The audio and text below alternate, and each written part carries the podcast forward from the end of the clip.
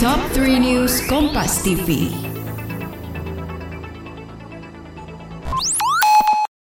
Halo sahabat Kompas TV, kembali lagi di Top 3 News bersama saya Anselina Tasya yang akan mengupdate 3 berita terpopuler hari ini.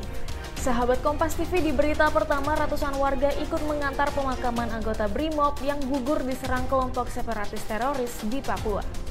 Ratusan warga mengiringi pemakaman Bribda Diego Rumaropen ke tempat peristirahatan terakhirnya di Taman Makam Wamena, Papua. Isak tangis keluarga pun tak terbendung saat upacara penghormatan dilakukan terhadap jenazah. Diketahui Bribda Diego Rumaropen gugur diduga diserang kelompok separatis teroris. Keluarga pun berharap pelaku penyerangan terhadap Bribda Diego segera ditangkap. Sobat Medio, podcast Beginu yang dibawakan oleh Wisnu Nugroho, pemimpin redaksi Kompas.com siap bekali kamu dengan obrolan penuh wisdom mulai dari Dahlan Iskan, Najwa Shihab, Jason Ranti, dan sosok inspiratif lainnya.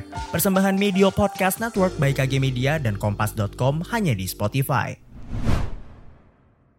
Di berita selanjutnya, dua laga sisa grup C Piala Presiden buntut tewasnya dua supporter. Laga Piala Presiden dipindah dari Stadion Gelora Bandung Lautan Api ke Stadion Sijalak Harupat tanpa penonton. Pasca insiden tewasnya dua boboto saat pertandingan melawan Persebaya Surabaya di Stadion Gelora Bandung Lautan Api, GBLA Bandung pada Jumat lalu, panitia pelaksana Panpel memindahkan laga Persib Bandung melawan Bayangkara FC ke Stadion Sijalak Harupat Soreang, Kabupaten Bandung. Komisaris PT Persib Bandung bermartabat Umuh Mukhtar mengatakan demi kebaikan bersama tidak masalah laga Persib Bandung tidak dihadiri penonton.